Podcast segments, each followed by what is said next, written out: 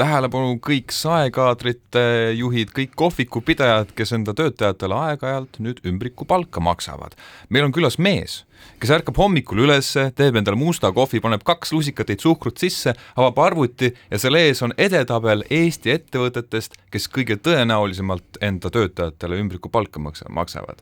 tere, Mark Mälter, Eesti Maksu- ja Tolliameti tööjõumaksude riskijuht. tere! Kas minu kirjeldus sinu ametisisust oli nüüd äh, piisavalt täpne? võiks öelda, et äh, päris täpne isegi, jah mis see tähendab, äh, riski, selline riskihinnang on päriselt olemas, see tuleb mulle küll väga suure üllatusena, et ettevõtete puhul siis ja ikka, Maksu- ja Tolliamet tegelikult seirab iga päev kõikide ettevõtete võimalikke maksuriske ja siis sealt teeme ka vastavaid tegevusi. aga noh, tegelikult see on täna väga-väga aktuaalne teema. praegu inimesed esitavad äh, oma tuludeklaratsioone, seda saab siis teha kuni kolmekümnenda aprillini, tagasi hakkab maksma viiendast märtsist, kui ei ole järelkontrolli vajadust. otsest järelkontrolli vajadusest võikski natuke rääkida. nimelt kui inimene nüüd esitab oma tuludeklaratsiooni, võiks ta korra vaadata, mis ta tööandja sinna deklareerinud on. Miks? Äh, kui inimene näiteks on saanud ümbrikupalka, saab seda teadlikult või võib-olla ta pole ka päris kindel, kas ta saab, vaadaku andmed üle, sest et kui ta kahe klikiga nüüd selle ära esitab ja pärast tuleb välja, et ettevõte ongi ümbrikupalka maksnud, siis inimene on esitanud meile teadlikult valeandmeid ja talle võib teha veel trahvi selle eest kuni tuhat kakssada eurot. et see on suure tõenäosusega suurem kui see tulumaksusumma, mis ta võib tagasi saada. töötajale endale võib siis trahvi teha selle eest, kui, kui tema on nii-öelda valeandmeid siis endale teadmata esitanud kas teadlikult või teadmata, üldjuhul nähtus, kus inimene tegelikult ei tea, et ümbrikupalka saab, eh, noh, pigem ei päde nad ikkagi teavad, et nad saavad. aga jah, kui eh, Maksu- ja Tolliamet eh, jõuab selle inimeseni ja ettevõtteni, et ma ütlen ette ära, et see on aja küsimus, kui me jõuame, üks hetk ikka jõuame, kõigini jõuame siis jah, äh, inimene, kes on esitanud tuludeklaratsiooni, äh, saab kuni tuhat kakssada eurot trahvi, peab ise oma tulumaksu tagantjärele ära maksma. kui periood on pikk, siis ka intressidega, aga ka ettevõte ei pääse, et ettevõtet võime trahvida kuni kolmekümne kahe tuhande euroga ja ettevõte peab samuti kõik summad tagantjärele ära maksma koos intressidega kui tihti seda ette on juhtunud, ette on tulnud näiteks eelmine aasta või, või, või kui tihti seda juhtub, et te trahvite ettevõtet kümnete tuhandete eurodega ümbrikupalga maksmise tõttu? Tihti me neid äh, trahvima ei pea, sest nad teevad koostööd, deklareerivad kõik ära ja on valmis äh, meiega ka koostööd tegema, et äh, väärteomenetlus on selline muidugi viimane samm, aga noh, ka neid tuleb ette. Üldiselt, kui vaadata sellist eelmise aasta ümbrikupalga tegevusele üldiselt, siis noh, võtsime ühendust üle tuhande ettevõttega. juurde hakati maksma peaaegu kümme miljonit eurot sellest tegevusest aga noh, kui me eelmine aasta olime Ida-Virumaal ju veel väga aktiivsed, äh, saatsime ju nüügimiskirjad tuhande neljasaja ettevõttele, tegime terve aasta tegevusi seal maakonnas, siis äh, mis, võiksite küsida, mis selle tulem on? ja tulem on see, et riik saab iga kuu üks kuni seitse kuni üks koma kaheksa miljonit eurot äh, lisamaksuraha, see on peaaegu kakskümmend miljonit aastas tegelikult suured summad ja, ja seal oli ka väga huvitavaid seiku seal Ida-Virumaal, et äh, näiteks äh, kuna me kogu see sektor ja kogu see maakond oli väga-väga tugeva vaate all, siis äh, võtsime paljudega ühendust, tegime palju menetlusi, palju nõustamisi, palju vaatlusi, siis mingi hetk hakkasid ettevõtjad ise meile dokumente saatma, kellega me ei olnud veel jõudnud ühendust võtta isegi. siis nad ütlesid, et ma tean, et te niikuinii võtate statistikaameti järgi on äh, sellised palgavahed Eestis äh, piirkonniti päris suured, näiteks Lõuna-Eestis on keskmine palk ja mediaanpalk hoopis väiksem kui näiteks Harjumaal ja ka Ida-Virumaal keskmine palk on hoopis väiksem. kui nüüd ümbrikupalgad ka sisse arv-, arvestada, siis ma saan aru, et et Lõuna-Eestis ja Ida-Virumaal kõige sagedamini just ümbrikupalka makstakse. kui need, need palgad ka sisse arvestada, kas siis need, äh, see vahe läheb väiksemaks, et lõu-, et Põhja-Eesti inimesed ei teenigi nii suurt palka? See vahe läheb jah, kindlasti väiksemaks. muidugi regiooniti see palgatase ongi natuke erinev, et ta päris üks-ühele sama ei oleks, kui ümbrikupalka vist üldse Eesti Vabariigis ei oleks.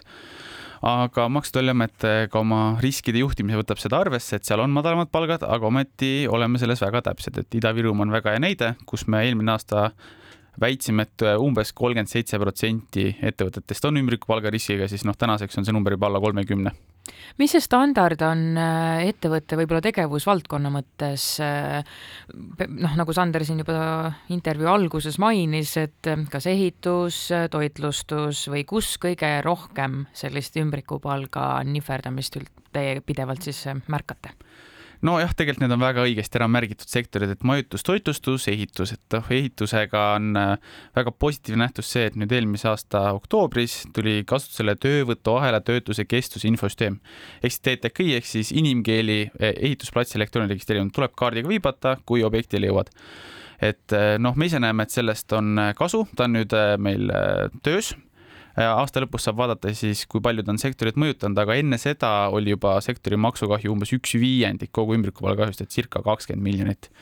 et jah, paraku need sektorid on levinumad, seal liigub sularaha, sularaha oluliselt rohkem kui, kui mujal sektorites äh, tuletan kuulajale ka meelde, et äh, räägime siin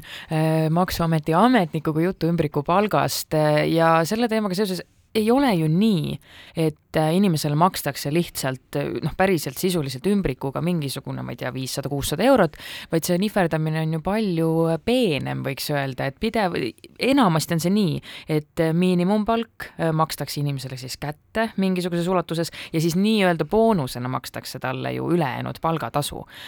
või kas see on pigem erand, ma, ma olen ka ise sellega kunagi ammu-ammu kokku puutunud ja see tundub ja see, aga see tundubki olevat tava, et kas teie peate ümbrikupalgast palgast rääkides äh, sedasama silmas, et miinimumpalk makstakse tihti ikkagi ametlikult inimesele ja siis sinna juurde tuleb see nii-öelda boonus, mis tegelikult on ikkagi tema päris palk? ma loodan, et see ümbrikupalga maksmine oli saatejuhil ikka kauges minevikus, sest et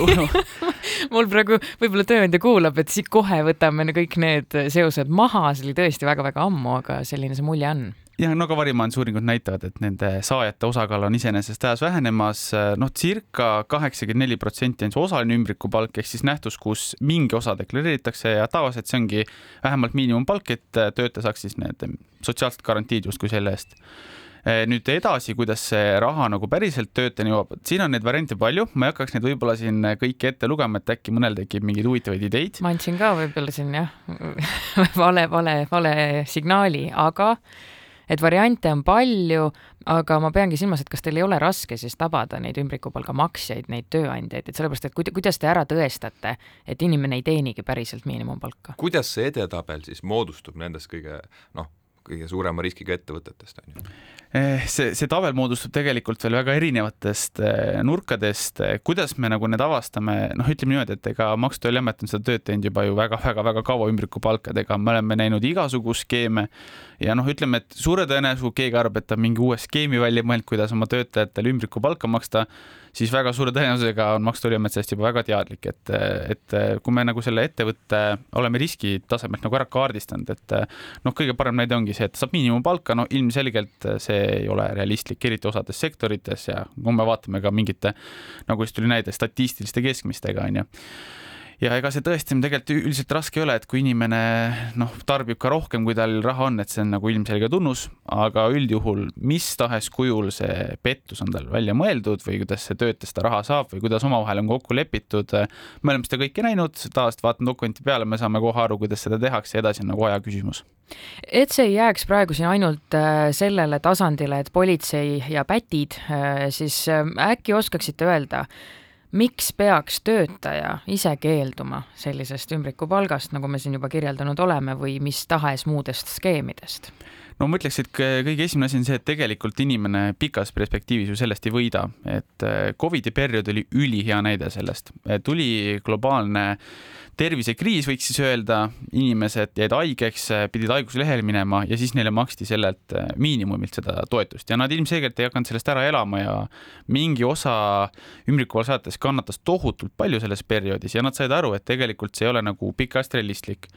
näiteks äh, kui inimesed soovivad äh, või planeerivad siin pisiperet saada, on ju, siis vanematoetus, vanemahüvitis on tohutult madal siis, et sellega taaskord ära ei ela, et tavaliselt laps tähendab suuremaid väljaminekuid ja siis on hoopis rohkem raha vaja või, või vähemalt samas mahus, on ju, kui ümbrikupalga saamise ajal oli inimesel tegelikult ka pensionimakse väheneb, aga noh, on ka variant, et ta on selle muidugi välja võtnud. aga noh, lõpuks, kui ta saab täiesti mustalt ümbrikupalka, tal pole isegi tervisekindlustust. laenu ei saa ega midagi muud sellist ka, eks ole jah, noh, need on veel riiginurgad, kui me nüüd vaatame siit väljapoole, siis kui minna panka jutuga, et ma saan viissada eurot äh, või viissada viiskümmend või isegi seitsesada eurot äh, kuus palka ja ma tahaks osta nüüd endale korterit, siis äh, pank ütleb väga viisakalt, et see on väga lahe, et sa tahad, aga su maksevõimekus mm. ei päde. Mark Mälter, tööjõumaksude riskijuht Maksuametist, mitu ettevõtet te olete tabanud sel aastal, mitmele ettevõtjale olete saatnud hoiatused, et härra, me nüüd teame, et proua. maksate, või proua, vabandust, et me teame, et ümbrikupalka maksate, et palun lõpetage ära see aasta ta peaks paarisaja ringis juba olema, aga kui nüüd küsimus on, et kas me teeme sarnast projekti, nagu me tegime eelmine aasta Ida-Virumaal, kus me saatsime nügimiskirjad ja siis käisime palju vaatlustel, siis selle kohta ütleks, et sõjaplaane veel ei avalda. Selge, selle, sellega ma arvan, et võimegi intervjuu lõpetada. suur tänu, Mark Maksuametist. rääkisime siis ümbrikupalgast ja miks siis seda tegelikult vastu ei peaks võtma. suur tänu teile. aitäh.